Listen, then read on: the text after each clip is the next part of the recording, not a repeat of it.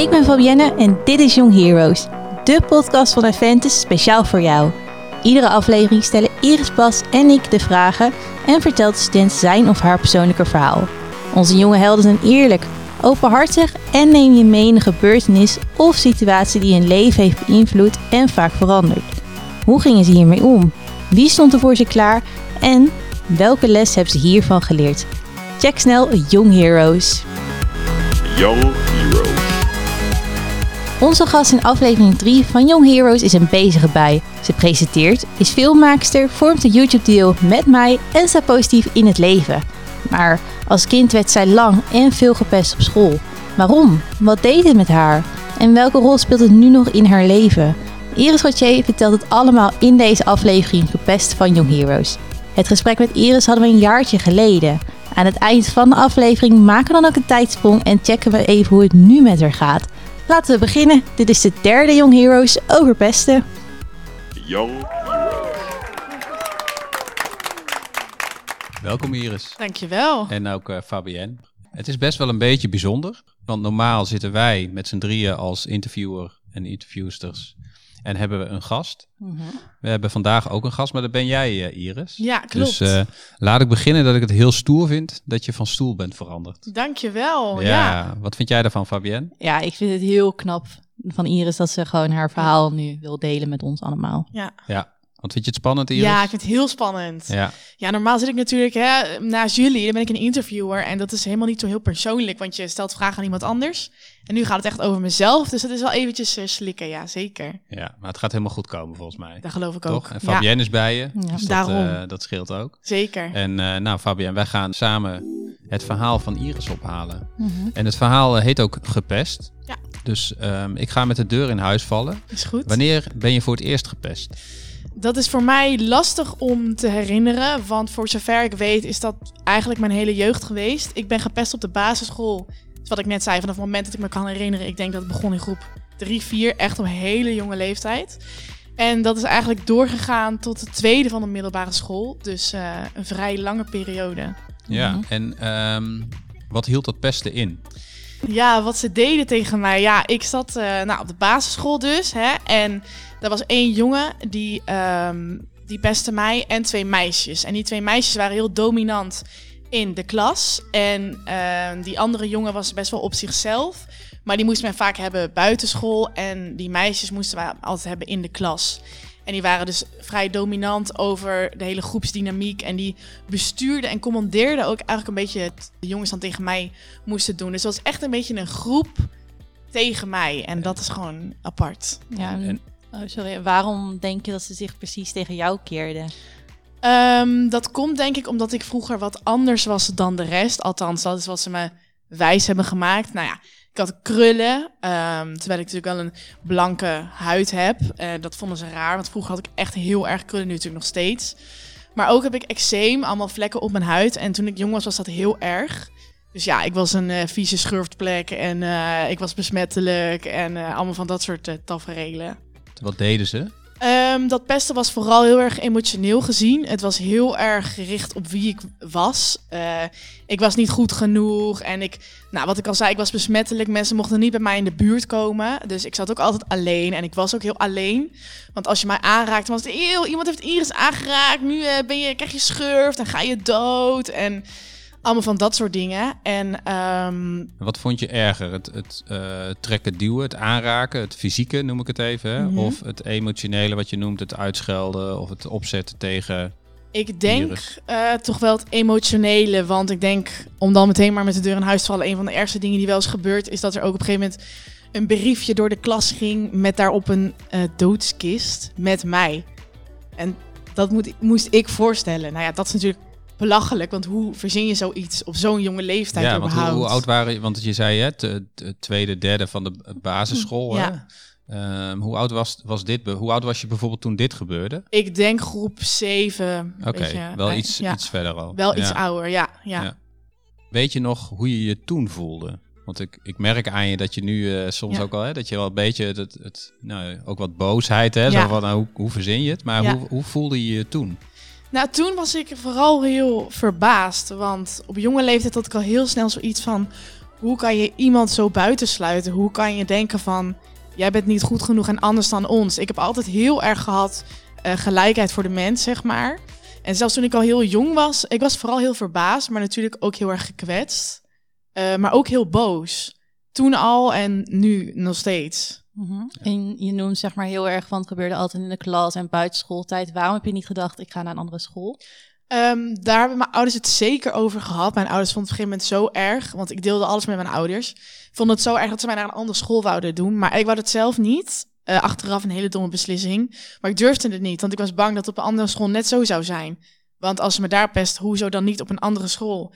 En ik had uh, op de school waar ik toen op zat, uh, nog één vriendinnetje. En dat was een beetje mijn houvast. Um, dus ik durfde niet te, te veranderen van school. En je vertelde, hè, je ouders uh, die hebben zeker over nagedacht. Hoe was dat met de, de leraar of lerares? In, in, de, in jouw geval misschien meerdere, omdat je het langere tijd was. Hoe wisten zij ervan? Of? Uh, ja, ze wisten er wel van. Het was een heel duidelijk. Uh, het, het, was heel duidelijk zichtbaar dat het gebeurde. Maar er werd heel veel gepraat en dat soort dingen. Maar op het moment dat ik naar mijn docent, of nou ja, mijn juf ging, uh, was het na school altijd de volle laag. En klikspaan en wie denk je dat je bent. En dan kon het zo'n uur duren voordat ik thuis was, omdat ze me dan opsloot in het fietsenhok of zo. Weet je wel, dat soort dingen. En daarom op een gegeven moment zei ik het niet meer, omdat ik het niet meer durfde. Ja. En in die periode die je beschrijft, dat gaat over best een aantal jaren. Ja. Zijn er ook periodes of momenten geweest dat het uh, minder was, het plagen of het pesten? En ik zeg plagen, maar dat is niet goed, mm -hmm. hè? Pesten, of dat het anders was? Hoe... Ja. Ja, ik heb, een, ik heb uh, wel één of twee keer gehad dat dan die pesters ineens heel aardig tegen mij deden. En toen dacht ik, oh, het is eindelijk voorbij en ik word geaccepteerd. En Um, maar toen lieten ze me heel veel dingen doen. Hun tas meenemen en uh, drinken halen. Echt, op een gegeven moment werd ik echt een beetje hun slaafje. En uh, toen dacht ik eerst dat dat de definitie van vriendschap was. Want ik wist natuurlijk niet goed wat vriendschap was. En toen ik iets ouder werd, besefte ik van jullie gebruiken mij gewoon als je, als je loophondje. En um, dan ineens liet ze me ook weer heel hard vallen. Dus het ging heel erg omhoog en naar beneden uh, qua hoe erg het was. Ja. hey, en heb je zelf wel eens gepest? Nee. Nooit, nee. Ik ben altijd heel erg. Um, toen ik iets ouder werd en op de, op de middelbare school, um, werd ik steeds zelfverzekerder. En op een gegeven moment ging ik het ook opnemen voor mensen. Als ik zag dat het gebeurde, dan schoot ik echt helemaal uit mijn slof. Dus er is echt een omkeerpunt geweest dat ik ging van heel klein hoopje verdriet, uh, hoe we het dan altijd maar zeggen, naar iemand die echt dacht van ja, hallo, dit kan echt niet. Nee. En wat heeft er dan voor gezorgd dat je toch die omkeer hebt gemaakt? Nou, um, ik vind sowieso praten over pesten altijd vrij lastig, omdat ik dus helemaal niet hou van die slachtofferrol. Ik denk dat het ook van de, een van de eerste keren is dat ik het er echt over heb. Maar um, deze podcast bedoel je? Ja, ja, zeker. Ja. En het, het, het pesten stopte op een gegeven moment in de tweede van de middelbare school, omdat ik toen er zo klaar mee was dat ik een, een aanvaring had met mijn pesters. En toen stopte het ook. En toen voelde ik me zo zelfverzekerd. En toen dacht ik, en nu is het anders. En ik wil het nooit meer andere mensen laten kan, kan gebeuren. Je ons, kan je ons even mee terugnemen naar dat moment? Ja. Want dat was natuurlijk een vraag van mij. Hè? Wanneer Ja. is het gestopt? Uh, Ja. En dat vertel je nu. Maar ik ben wel heel benieuwd, want je noemt het een aanvaring. Ja. Neem ons eens even mee. Wat gebeurde er? Ja, het was in de tweede van de middelbare school. Het was de, aan het eind van de dag, echt heel laat. Ook al tot laat les, weet nog heel goed. En ik zat in de aula en toen kwamen die twee meisjes aanlopen. Nou, en van uh, verte dus begon ze al te schreeuwen... Oh, Iris zit weer alleen. Ah, je hebt geen vrienden. Echt zo'n beetje zo flauw en irritant, weet je wel. En dat ging maar door en dat ging maar door. En dan echt, hè, dikzak, zit je daar? Ga eens wat doen, ga sporten, weet je wel. En um, toen stond ik op en toen werd, ik, toen werd ik zo boos. Toen zei ik ook echt van... En wie denk je dat je bent? Hoezo? Nou, ik, ik heb echt allemaal woorden gebruikt die ik nu maar beter niet kan herhalen, denk ik. Maar ik heb ze echt, Scheldwoorden. ja, ik heb ze echt heel erg lopen uitschelden. En ze waren een beetje verbaasd en ze gingen lachen. Nou ja, dat lachen kon ik toen al helemaal niet tegen. Dus heb ik de deur van de school open gedaan. Toen heb ik één iemand echt zo bij haar jas gepakt en echt gewoon naar buiten gegooid. En toen heb ik tegen dat meisje gezegd: Als je me nog één keer lastig valt, dan uh, maak ik je dood. En dat is iets heel heftig om te zeggen. Maar op dat moment was ik zo boos en ik kon het echt niet meer aan. En ik zei dat tegen haar en zij stond echt van: Wat kwam jij nou uit? Maar ze schrok heel erg, dat zag ik. En dat andere meisje liep er maar heel snel achteraan. Toen heb ik nooit meer wat van ze gehoord. Ze hebben, ook maar, hebben me nooit meer aangekeken. En ineens was het gewoon helemaal gestopt. Hoe voelde dat op dat moment? Nou, op dat moment voelde het echt super goed. En ik dacht echt, eindelijk krijg je alles terug wat je verdient. Eh, achteraf is die opmerking natuurlijk heel heftig om te maken. Maar ehm, eh, niet iets waar ik spijt van heb. Want het moest gewoon, het moest gewoon in die mate heftigheid gezegd worden. Omdat anders dan stopte het niet. Ehm, had je nog wel eens de angst dat het toch terug zou komen? Of dat anderen jou zouden gaan pesten? Ja, heel erg. Toen ik begon met het mbo, toen wou ik bijna niet gaan. Omdat ik dacht, nu ga ik weer naar een nieuwe school, weer nieuwe vrienden maken. Straks dan val ik er weer buiten. Of weet je, ja, ik zat er ontzettend tegenop. Ja. Ja. En? Het viel mee. Het was helemaal niet eigenlijk. Ik leerde op mijn eerste school de Fabienne meteen kennen. Het was meteen dikke mik. En eh, er was niks aan de hand. Niemand die iets zei of raar of iets. Nee, helemaal niet. Maar ik denk dat die angst gewoon heel erg in je blijft zitten. Want nu ook in mijn dagelijks leven altijd nieuwe dingen vind ik lastig. Want ja, wat vinden mensen van mij? Hey, en ehm, je vertelde al op het mbo, hè, dus uh, nieuw en spannend en uh, je ontmoette Fabienne. Ja. Zijn er dan uh, momenten waarvan je denkt van oké, maar nu wordt het spannend. Nu is de kans dat ik toch nog weer gepest ga worden of dat ze mij eruit pikken. Ja, het is meer bij mij heel erg qua vertrouwen, omdat ik vroeger ook best wel situaties heb meegemaakt waarbij ik dacht dat de mensen die ik kon vertrouwen, zo cliché gezegd, dat dus absoluut niet kon. Um, doordat ze ineens gingen meelopen of mee gingen doen. Dat ik echt dacht van, he, maar ik dacht dat wij vrienden waren. En dat is iets waar ik in het dagelijks leven heel erg tegenaan loop. Dat vertrouwen. Dat bijvoorbeeld, uh, het heeft heel erg lang geduurd bij Fabienne voordat ik accepteerde dat ze echt mijn beste vriendin is. Want eerst dacht ik van ja, je kan wel zeggen dat je me aardig vindt. Je kan wel zeggen dat je me mooi vindt. Maar ja, weet je, dat kan ik ook zeggen over de buurman. Je hebt het zo makkelijk gezegd. Wat maakt het nou dat je het echt meent dat wij echt vrienden zijn? Want misschien ga je straks wel weer weg. En dat is wel echt iets wat ik er echt aan overgehouden heb, is dat ik het heel moeilijk vind om te accepteren dat mensen er echt voor me zijn en echt ook echt blijven. Ja. Ben je daardoor ook uh, vriendschappen en mensen verloren of uit je omgeving kwijtgeraakt? Ja, vooral op het gebied van relaties. Uh, ik ga niet zo snel een relatie aan dan zeg maar met een jongen, omdat ik heel, heel bang ben dat ze, me, ja, dat ze me gewoon raar. Ik heb heel, mijn, mijn zelfbeeld is heel laag. Mm -hmm. Dus daardoor, uh, ja, ik vind het moeilijk om dit uit te leggen. Maar, ja, sorry. Nee, geeft niks. Maar omdat ik dat zo lastig vind, heb ik wel heel vaak gezegd tegen jongens van ja, laat me zitten. Ja. Want het gaat toch niet werken, want ik vind jou helemaal niet leuk. Maar dat was dan helemaal niet waar. Je vond het mij hartstikke leuk. Ja, maar dat was dan zeg maar uh, uit angst. Ja. Om toch die relatie aan te gaan. Ja. Wat vond je daar lastig in? Ja, het was zeg maar vooral um, mijn, mijn eigen beeld. Dat ik zoiets had van, ja, ik vind jou zo leuk. Waarom zou je met mij een relatie aangaan? Want ik ben niet uh, goed genoeg voor je. Nee. En dit vind ik dan zo uh, zielig klinken. Maar het is zeg maar, pesten heeft een heel erg grote invloed op hoe je naar jezelf kijkt. Ja.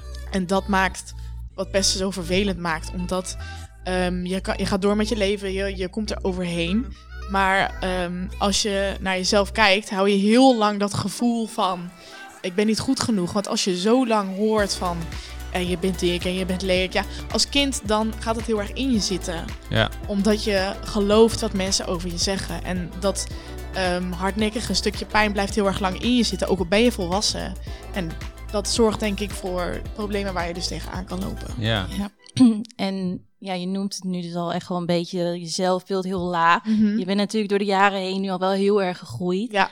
Hoe is zeg maar bijvoorbeeld vandaag? Hoe kijk je dan naar jezelf in zo'n spiegel? Nu een stuk beter, omdat ik, wat ik daar straks ook al zei, ik vind het altijd een beetje zo naar om in die rol te zitten van ik ben gepest, dus ik ben echt heel zielig. Ik kijk er vooral heel erg op terug van oké, okay, het is gebeurd. Ik heb ook echt punten waar die pijn heel erg zit, natuurlijk net al.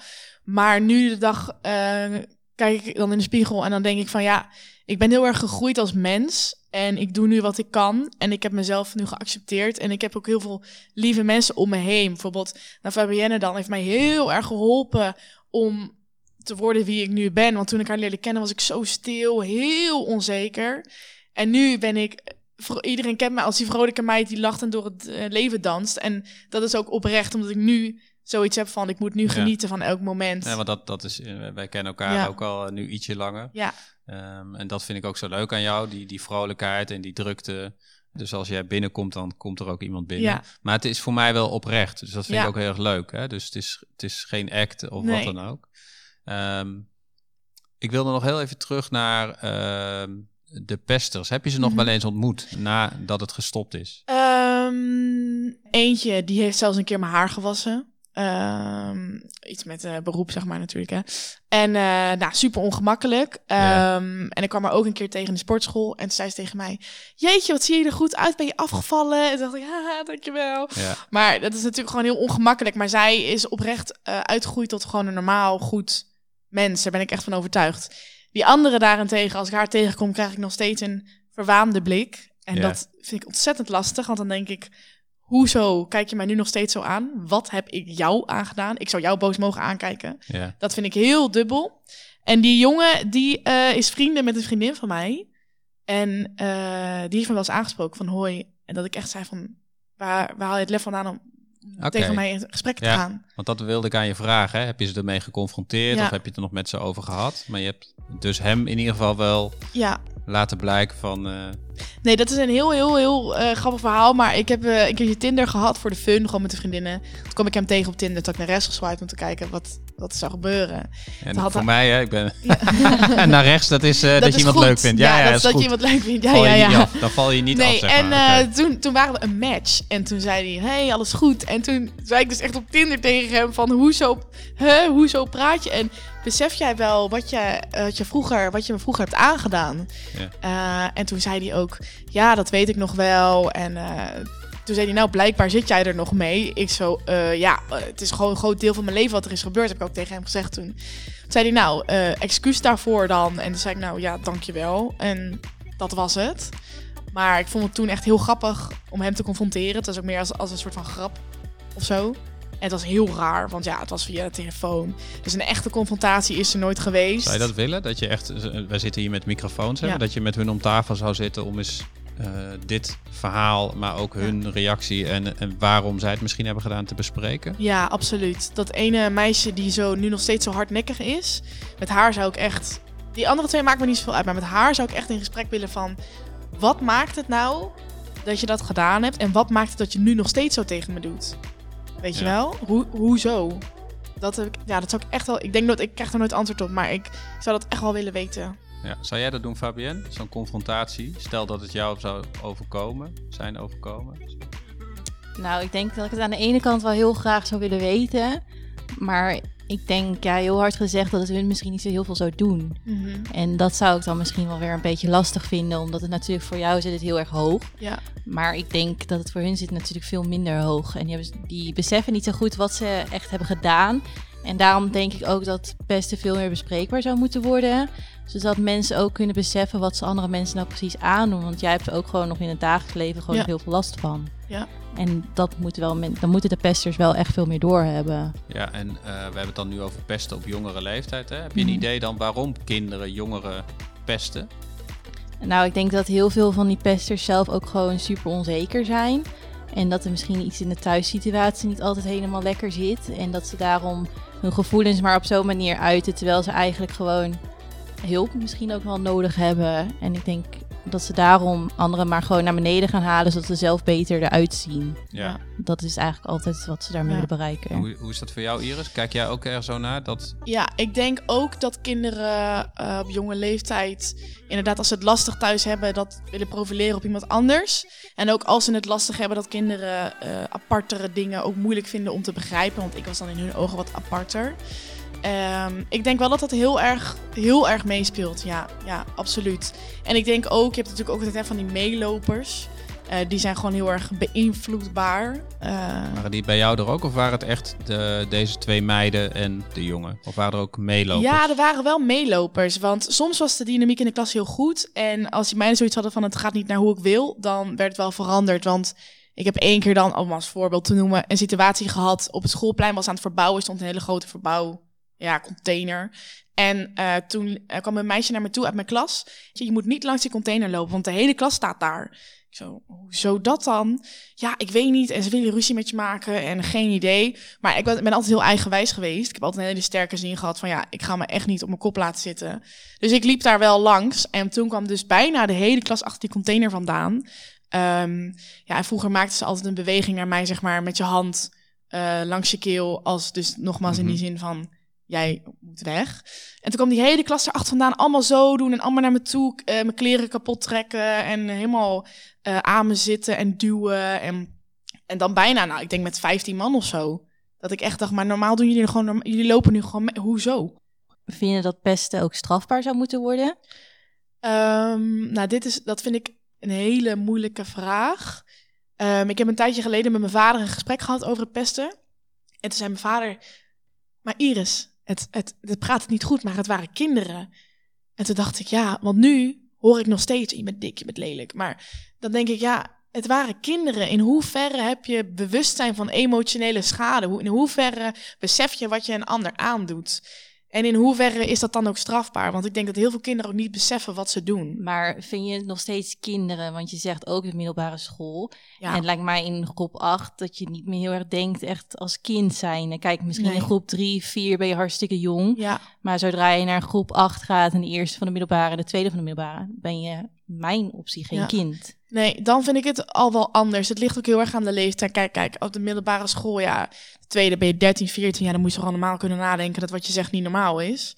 Dan, dan vind ik wel dat het eh, meer eh, strafbaar zou moeten zijn. Want er zijn natuurlijk ook heel veel kinderen die zelfmoord hebben gepleegd vanwege het pesten. Ja. Dus ja, Ja, het is, ik, ik, ik luister even naar jullie eh, gesprekje. En ik, Ja. inderdaad, ik vind dat lastige. Hè, van wanneer ben je dan eh, geen kind meer? En Ja. ben je eigenlijk eh, Mhm. verantwoordelijk voor je eigen gedrag? Hè? Of kun je Ja. aangesproken worden op je, je gedrag? ja, Ehm, dus ik denk dat ouders daar ook wel een hele belangrijke rol eh, in hebben. En we gaan zo jouw moeder ook bellen. ja, Om eens even van haar te horen hoe zij het heeft ervaren. ehm, hoe zij daarna heeft gekeken, wat het met haar deed. Dus ik ga nu proberen om jouw moeder te bellen. Denk je dat ik jij tegen haar mag zeggen? Morgen. zeker. Goed- Goedemorgen, met Bas. Goedemorgen, Hi, met Esther Gauthier. goedemorgen Goedemorgen. Esther, met Bas Schepers. Hallo. Mag ik jij zeggen? Ja, Ja, absoluut. want je, Ja, je, netjes. je wist dat we gingen bellen. Ja, zeker. Ik was Ja. op de hoogte. En Natuurlijk. ehm, nou, ik denk dat Iris je ook had verteld over welk onderwerp we met Iris in gesprek zijn. Ja, inderdaad. En, eh, Iris-. Ja, en Iris heeft daar veel over verteld, over haar ervaringen, ook wat het met haar heeft gedaan. Maar ik ben in ieder geval ook heel erg benieuwd van wat het met u heeft gedaan. En mijn, mijn eerste vraag is, wanneer hoorde je voor het eerst dat je dochter gepest werd? Ja, eh, even kijken. Ze was heel jong, in groep 4 zo ongeveer. Eh, het was voornamelijk, het begon met een, jongen. Eh, die, eh, ik was bevriend met zijn moeder. En toen eh, is hij waarschijnlijk wat jaloersig geworden. Mhm. En toen ging hij het allemaal projecteren op Iris, onze dochter. Ja, en, en met vreselijke gebaren en intimiderend. ja, zo van ik snijd je de keel door. En ja, dat heeft ons wel geraakt. En dat eh, de school daar ook weinig mee deed. wat deed dat met u, dat, dat, eh, Ja, dat je je hoort dat je als- dochter gepest wordt? Ja, je krijgt zo'n oergevoel van eh, verdriet en woede wel. En ik voelde me wel machteloos. Maar ik moet zeggen dat Iris heel, heel erg lief bleef. Lief, zegt u. En ze was niet zo wanhopig nog. Nee. Dat viel in het begin nog wel mee. Maar het was natuurlijk, het ging jaren door. Hè? Het is tot en met de middelbare school. Want ze ging een gegeven moment van groep 8 over naar de middelbare school. En daar waren dezelfde meisjes ook weer aanwezig. Ja. Ja, en dat heeft haar wel eh, gekwetst. Nee, heeft u het er nu nog wel eens over met Iris?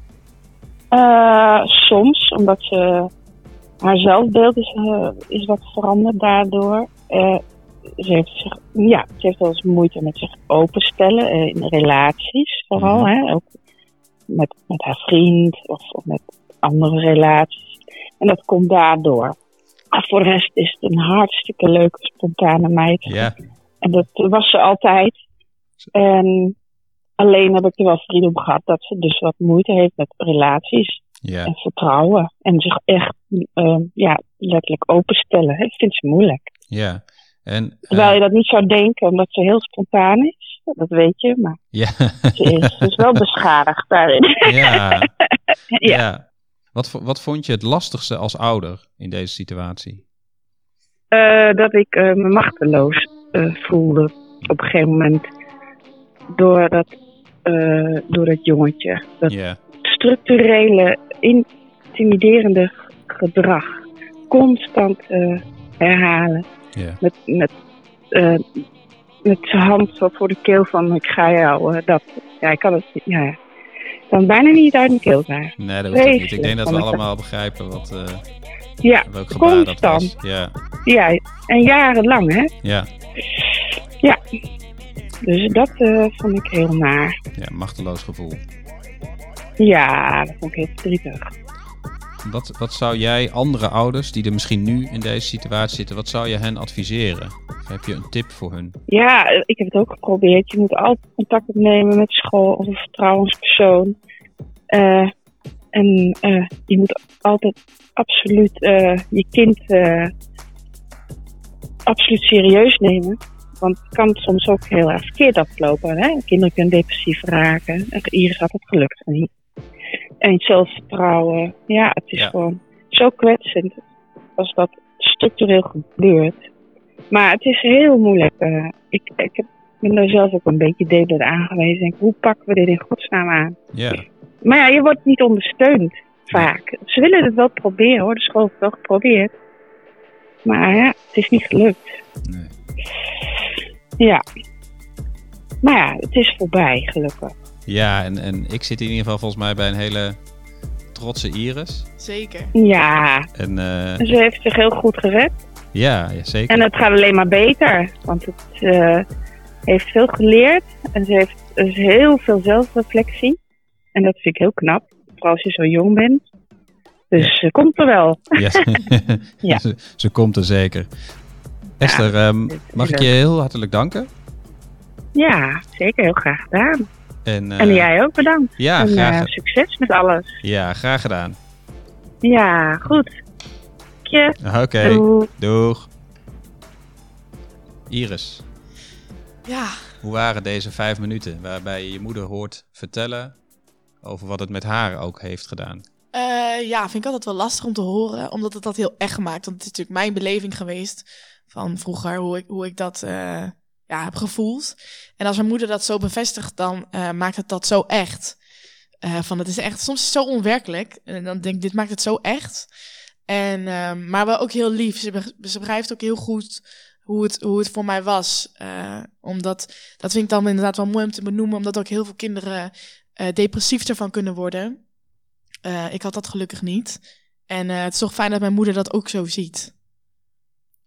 En zou jij nu, ehm, is het een onderwerp waar je misschien iets voor of in wil betekenen? Als eh, je maakt films, je staat voor de camera, ehm, mensen luisteren naar jou, kijken naar jou. Is Ja. het iets waar je ook wat mee wil? Of Eh, ja, ik zou wel. ehm, ik vind vaak die anti-pestreclames en dat soort dingen allemaal zo emotioneel beladen en zo zwaar. En ik hou daar gewoon niet zo van. Ik heb gewoon zoiets van: het is gebeurd. Het was hartstikke kut. En het mag niet nog een keer gebeuren. Niet in mijn leven, maar ook niet in het leven van iemand anders. En ik denk dat daar wat meer en wat harder en wat beter eh, voor gevochten moet worden. En dat mensen gewoon eh, meer moeten durven om te zeggen waar het op staat. Je mag niet pesten. En als je pest, dan ligt het echt aan de pester. En dat, dat mag gewoon niet doen. En het wordt vaak een beetje zo... Soms kan het ook wel zijn, maar ja, maar de pester heeft het zwaar. Ja, niks is een reden om iemand anders te pesten. En ik zou daar best wel wat in eh, willen betekenen. Want ik vond deze podcast erg spannend om het erover te hebben. Maar nu ik het eenmaal zo doe, denk ik van, ik kan, ik kan het wel. En ehm, ik denk dat ik wel Ja. veel andere mensen zou kunnen helpen. Ja, zeker. Want ik weet dat er ongeveer 10% van de kinderen, jongeren, eh, geeft aan gepest te zijn. Ja. En dan ook niet één keer, hè, dus de- niet eh, het grijze gebied van is het nou plaag of pesten, maar echt Ja. structureel gepest eh, te zijn. Dus de, er zijn gewoon veel kinderen en jongeren die nog steeds gepest worden. Ja, En ehm, dus ik denk dat je daar een hele goede rol in zou kunnen spelen. dankjewel. Ik hoor je wel zeggen, en dat vind ik wel, eh, ehm, dat puzzelt mij even nog Mhm. Van dat slachtofferrol, hè, dat Ja. slachtofferschap, van dat wil ik niet. Nee. Wat is dan daarin belangrijk? Wat heb jij gedaan om te voorkomen dat je in de slachtofferrol blijft zitten? Nou ja, dat is dan misschien ook wel weer dat stukje wat ook wel door het best komt. Ik ben dus heel erg bang als ik heel open en eerlijk vertel aan mensen wat er is gebeurd, dat ze me dan zo aanstellen vinden van, oh, je bent gepest. Nou ja, hoe erg kan dat nou zijn? En eh, kom op, je moet niet zo eh, janken. En ik ben heel snel bang voor zo'n reactie. Dat komt natuurlijk ook wel weer ergens door het pesten vandaan. Eh, wat natuurlijk dan heel erg dubbel is. Maar ook dat ik niet zo in die slachtofferrol wil zitten, omdat ik denk, ehm, ik ben nog zo jong en ik heb al zoveel verdriet gehad. Het is nu tijd om iets positiefs met mijn leven te doen. En te denken van, oké, het is gebeurd. Ja, het doet me heel veel pijn. Maar ik vind het zonde van mijn tijd om daar nu nog zo mee te zitten. Tuurlijk loop ik er soms tegenaan. Um, en je moet het ook verwerken. Maar ik wil gewoon graag vooruitkijken. En waarderen wat ik nu wel heb en wat ik, wat ik wel kan. Uh, en gewoon positief blijven. Vind ik echt heel belangrijk. Ja, dat, dat, dat hoor ik je zeggen van nou, misschien van besef van ook al is het je gebeurd in je jonge jaren of in je kinderjaren. Ja. Je hebt nog zo lange tijd voor je. Dus probeer ook daarnaar te kijken, naar de toekomst. Ja, want uh, als het dan op het nieuws komt dat een jong iemand uh, zelfmoord heeft gepleegd door pesten, vind ik dat, vind ik zo erg. Want ik heb vroeger ook wel eens gehad dat ik voor de spiegel stond dat ik dacht van ik, ik wil dit niet. Maar dan dacht ik meteen daarna altijd, maar ik kan dit wel. En dat is het verschil. Okay. Iets niet willen, maar het wel kunnen. Ja. Want je moet gewoon door. En als iemand heel jong is en dat opgeeft, dan denk ik, jeetje, wat een, wat een impact. En, en je moet proberen positief te blijven en, en, en ja, weer door te gaan of zo. Dat, ja, vind ik gewoon heel belangrijk. Fabienne, hoe is het, hoe is het voor jou om uh, het verhaal de afgelopen 40 minuten van Iris te horen en Iris ook te zien in dit geval? Ja, ik heb natuurlijk Iris al wel door de jaren heen er best wel veel, nou niet heel veel, maar elke keer kwam er wel een beetje van, nou ja, uh, dit komt dan een beetje door het beste. Of dit, een beetje, uh, alsof je een beetje verontschuldigt waar bepaalde dingen vandaan komen. En ik heb altijd al heel erg tegen Iris gehad van, ja, je bent gewoon hoe je bent. En dat hoef je voor mij niet te veranderen en dat hoef je voor niemand te veranderen. Maar heel vaak heeft ze nog wel echt van die moment van, oh ja, mensen vinden mij niet leuk of mensen vinden mij irritant. En ik kan wel heel vaak tegen haar zeggen van dat is niet zo. En dat zou ik ook altijd blijven doen. Maar ik merk toch wel dat ze bepaalde dingen nog steeds niet heel goed van me aanneemt. En dat vind ik soms wel een beetje moeilijk om te zien. Omdat, ja, ik ken Iris natuurlijk pas sinds de mbo. Maar ik weet zeker dat ik haar daarvoor ook gewoon al hartstikke leuk had gevonden. En dat vind ik soms wel een beetje moeilijk. Dat ik echt denk van ja, kom op, je bent zo'n ontzettend leuke meid. En iedereen die nu om jou heen staat, die ziet dat. En die weet dat. En die zijn ook heel graag bij jou. En die willen ook graag je vriend zijn. En soms vind ik dat wel een beetje moeilijk. Wat vind je dan moeilijk? Nou, omdat ja, ze is gewoon zo altijd leuk. En dan denk ik van dat stukje onzekerheid, okay, dat echt nooit weggaat. zelf denk onzeker is, ja, dat vind je dan moeilijk. Dat vind ik moeilijk om te zien. Iedereen... iedereen... wil graag bij je zijn, weet je wel. Ja. En je bent nooit te veel in de kamer, juist niet. Iris, zijn er nog uh, dingen of waar je dacht in voorbereiding op dit gesprek of toen je hier naartoe kwam van nee, dat mm. zou ik graag willen zeggen of dat ja. zou ik graag een bod laten komen wat nog niet wat we nog niet besproken hebben? Nou, eigenlijk dacht ik van tevoren bij dit gesprek alleen maar niet huilen, niet huilen, niet huilen. Dat is eigenlijk het enige waar ik aan kon denken. Uh, en naarmate het gesprek wat ik dan echt kwijt wil, is um, dat het zeg maar altijd beter wordt. En het is zo'n cliché, maar je moet gewoon uh, doorvechten en ook denken van wat wil ik en wat kan ik. En je uh, absoluut niet laten tegenhouden door je onzekerheid. Ik heb zoveel jaren gehad dat ik dingen niet deed uh, door mijn onzekerheid. En heb ik zat daar een voorbeeld van? Dat je zegt, nou dat heb ik gewoon niet gedaan door die onzekerheid. Uh, ja, um, um, vooral met relaties aangaan. Heel erg wat ik net al noemde, die jongens uh, afwijzen, of nou, jongen, jongen afwijzen omdat ik het niet uh, durfde. Nou, dat is iets, maar ook bijvoorbeeld um, na mijn MBO wou ik eigenlijk heel graag naar de BNN Academy. Dus dacht ik, ik ben te jong en ik, ben, ik, ik kan het allemaal niet. En weet je wel, dat soort dingen, van die, van die echt van die levenskeuzes die ik dan niet deed uit pure onzekerheid. En dat vind ik zo zonde achteraf. Want dan denk ik van, het is, het is, je moet er gewoon voor gaan. Want dit is, dat is echt een gevecht met mezelf. Want er is niemand die nu nog tegen mij zegt, je kan het niet. Dat zit echt in mijn eigen hoofd. Ja. En dat zou ik als je gepest bent proberen te adviseren. Om dat echt, hoe moeilijk het ook is, echt toch te leren om los te laten. Tip, tip, tip van de expert. Nou, bij ons aan tafel aangeschoven is Masha. Welkom. Kan je misschien even kort vertellen wat voor werk je eigenlijk precies doet? Ja, dankjewel. Um, ik werk als uh, gezondheidszorgpsycholoog en ik werk voor Mindfit. En dat is een onderdeel van uh, de Demensgroep. En Mindfit is basis GGZ. Eigenlijk heel laagdrempelige zorg. Ja, en in deze podcast hebben we natuurlijk het verhaal van Iris. En zij is heel lang gepest, maar wat versta jij precies onder pesten? Eigenlijk uh, wordt gezegd, pesten is gedrag um, waarbij iemand of een groepje um, vaak herhaaldelijk, maar het kan ook één keer zijn, een ander of anderen uh, kwetst. En dat kan op heel veel manieren zijn. Um, je kan pesten eigenlijk door uh, iemand te duwen of te schoppen, uh, naar onder water te duwen. Dat is echt fysiek. je kan verbaal pesten, dus, dus iemand uitschelden of nare dingen zeggen. Um, ja, veel in het nieuws over pesten via social media. Dus dingen posten of foto's uh, prijsgeven die iemand niet wil uh, laten zien. Je hebt eigenlijk heel veel vormen van, van pesten. Maar belangrijk is dat iemand dat echt doet met uh, de bedoeling een ander te kwetsen. Waarom denk je dan dat, mensen, dat andere mensen aan zouden doen? Eigenlijk is het idee dat iemand pest omdat hij zelf problemen heeft en op de een of andere manier nodig heeft om een ander naar beneden te duwen. Waardoor je als het ware zelf uh, belangrijker wordt of je beter kunt gaan voelen. Um, dus dat is ook, ja, dat is zeg maar gedrag waar je ook heel graag uh, wat mee zou willen doen. Um, maar ja, het is dus natuurlijk heel schadelijk voor degene die, uh, die als slachtoffer wordt gekozen. En dat kan heel willekeurig zijn. Dus dat is ook wel belangrijk voor degene die gepest wordt. Om je te realiseren, ja, die pester heeft eigenlijk een probleem. En die kiest iemand. Um, en dat kan echt iedereen zijn. Ja, en je noemt het, het kan heel schadelijk zijn. Want wat zijn bijvoorbeeld de effecten op latere leeftijd als je als kind zijnde wordt gepest? Um, mensen kunnen gaan twijfelen.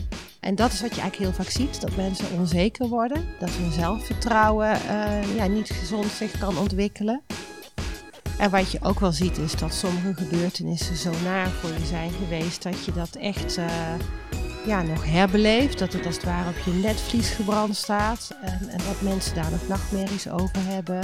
Ja, en dan zie je dan kinderen of jongeren komen die dus gepest zijn. Wat voor soort behandelmethodes heb jij dan?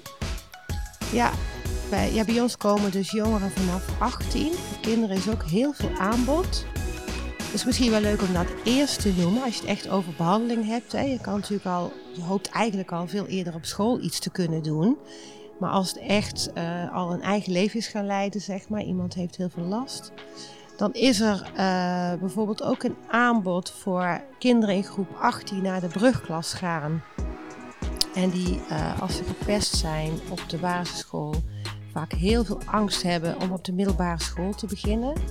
Heel onzeker zijn. Um, ja, bang zijn voor herhaling natuurlijk. Het is al een grote stap. En die in een tweedaagse cursus is dat, die vlak voor het begin van het schooljaar wordt gegeven. Um, dan kunnen leren hoe kan ik me opstellen, hoe kan ik me leren verwoorden, hoe ga ik om met negatieve gedachten. Want wat je eigenlijk hoopt is dat dat kind met iets meer zelfvertrouwen die school instapt. Um, want op het moment dat je dat doet, ben je ook minder kwetsbaar om weer gepest te worden. Als je dan kijkt naar de jongeren, de volwassenen die, die ik bijvoorbeeld zie, dan heb je eigenlijk best wel um, veel vormen van behandeling. En dat ligt natuurlijk aan wat iemand nodig heeft, wat iemand wil, uh, waar iemands vragen liggen. Als het gaat om zelfvertrouwen, dan heb je allerlei modules die gaan over zelfbeeld. Waarbij je eigenlijk wordt geholpen om uh, de krachten in jezelf weer te voelen. Iedereen kent wel die momenten dat je denkt van nou dit gaat lekker. Nu, nu voel ik me goed, dit, dit heb ik goed gedaan. Dat heeft iedereen ook. En die wil je naar boven halen. Als je onzeker bent, dan zie je vooral wat er niet goed gaat. En um, heb je niet zoveel oog ontwikkeld voor wat je wel allemaal uh, goed hebt gedaan. Um, en op het moment dat je denkt, goh, hier is echt sprake van een traumatische ervaring of meerdere traumatische ervaringen. En die, uh, ja, die geven bijvoorbeeld nachtmerries of herbelevingen. Dan kun je ook traumabehandeling doen. En daar heb je ook weer verschillende vormen van. Uh, maar een hele mooie vorm vind ik is EMDR. Ik weet niet Ja. wat, wat toelichten? Want dat, eh, hè? Ja, ik denk dat... eh, ik weet zelf niet zo heel goed wat het is. Dus misschien kan je het een beetje uitleggen. Het is een behandeling waarbij je iemand eh, terug laat denken aan de traumatische gebeurtenis. Je, je laat iemand terugdenken en je vraagt voor welk moment was nou heel pijnlijk voor je. En dat weten mensen vaak heel precies. En je laat ze dan terugdenken aan dat beeld. En tegelijkertijd dien je een eh, prikkel toe. In de zin van mensen moeten met hun ogen een lichtje volgen. En je hersenen vinden het heel lastig om twee taken tegelijk te doen. En dan blijkt dat de herinnering, die dus zo pijnlijk is, anders opgeslagen gaat worden. De lading gaat eraf. En op het moment dat jij weer rustig terug kunt denken, in plaats van dat je heel gespannen raakt of heel verdrietig wordt of boos, ehm, ja, is er natuurlijk veel meer ruimte over om in het hier en nu te kunnen functioneren. Ja, en hoe reageren zeg maar personen op zo'n behandeling? Is dat heel heftig? En mensen vinden het vaak wel een beetje spannend. En eh, we hebben natuurlijk een folder en we leggen het zo goed mogelijk uit. En we laten dat lichtje, dat die lamp al even zien. En in het begin, dan ga je met iemand weer terug naar dat moment. Dus je zoomt even in. En dat is natuurlijk wat je eigenlijk niet wil. Je wil er niet meer aan terugdenken. Dus dat is wel vaak voor mensen even heel pittig. Eh, maar dan eigenlijk al vrij snel door de procedure neemt de spanning af. En vaak na één sessie al. En anders na twee, soms drie. Maar vaak al na één, twee sessies is er veel minder spanning. Dus je hebt in relatief korte tijd, korte behandeltijd, heel veel effect. Ja, en stel ik zit zeg maar te luisteren en ik heb zelf, ben zelf heel lang gepest en ik heb er echt heel veel last van. Hoe kom ik dan zeg maar bij jullie terecht? Hoe gaat zeg maar zo'n traject? Ehm, wat je het beste kan doen is naar je huisarts gaan. Huisarts is eigenlijk de poort. En met de huisarts bespreken waar je last van hebt. Als het goed is, weet de huisarts dan ook, oh, ik kan verwijzen naar een psychologenpraktijk. Bijvoorbeeld naar Mindfit. En dan eh, zal de huisarts je verwijzen. En dan kan je eigenlijk binnen een paar weken terecht. Maar overal in het land heb je eh, dat deze vorm van hulp geboden wordt. Ja, en net in het gesprek noemde je ook even dat pesten heel vaak al begint bij de school zelf. Wat zou je dan tegen zo'n school willen zeggen? Ja, want eigenlijk wil je voorkomen natuurlijk dat iemand echt ehm, ja, problemen krijgt met zijn zelfvertrouwen of bijvoorbeeld andere last door, dat- door wat er is gebeurd. Ehm, ja, wat ontzettend belangrijk is, is dat degene die gepest wordt ehm, hulp krijgt, probeert zelf te gaan praten. Iemand opzoekt, wie dan ook. Eh, dat kan van de kindertelefoon tot een buurvrouw, tot een mentor, een goede vriend, vriendin, ouders. Iemand die je vertrouwt opzoekt om te praten. Ehm, diegene zal het niet altijd kunnen oplossen, maar praten helpt in ieder geval om te delen. Eh, delen betekent het dat het niet alleen in je hoofd zit. Eh, ja, en als docent denk ik moet je realiseren dat er heel veel gepest wordt. Ehm, wat ik las op de site, ik daar vandaan, is dat 30% van de kinderen gepest worden, waarvan 7% ernstig. Nou, dat is echt heel veel. Dus als docent moet je je realiseren dat er in jouw klas gepest wordt. En ik denk heel goed observeren, blijven praten, het onderwerp bespreekbaar maken. Ehm, niet ervan uitgaan, nou in mijn klas gebeurt dat niet. En dus ook ehm, je verantwoordelijk voelen om continu ja, daar toch mee bezig te blijven. Je kunt, je kunt best wel wat doen. Ja, en we hebben natuurlijk nu al best wel veel besproken over pesten en eventuele behandelingen. Is er zelf nog iets wat je kwijt wil of misschien nog bepaalde tips dat je mee wil geven? Nou ja, het belangrijkste is denk ik, eh, praat erover als je gepest wordt. Zoek hulp. Er is heel veel mogelijk. Ehm, je bent dus niet de enige. Dat is ook wat heel veel mensen denken. Hè?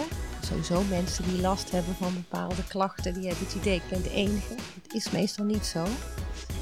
Ehm, dus zoek hulp. Als je degene bent die pest, nou, dan zou het ongelooflijk, ongelooflijk veel moed tonen als je daar ook hulp bij durft te vragen voor jouw probleem. En ik denk dat we met elkaar, met z'n allen in de maatschappij, eh, goed op moeten letten en voor elkaar op moeten komen als we zien dat er gepest wordt. Nou, Marcia, mag ik jou heel erg bedanken voor ook deze mooie laatste afsluitende woorden. Dankjewel.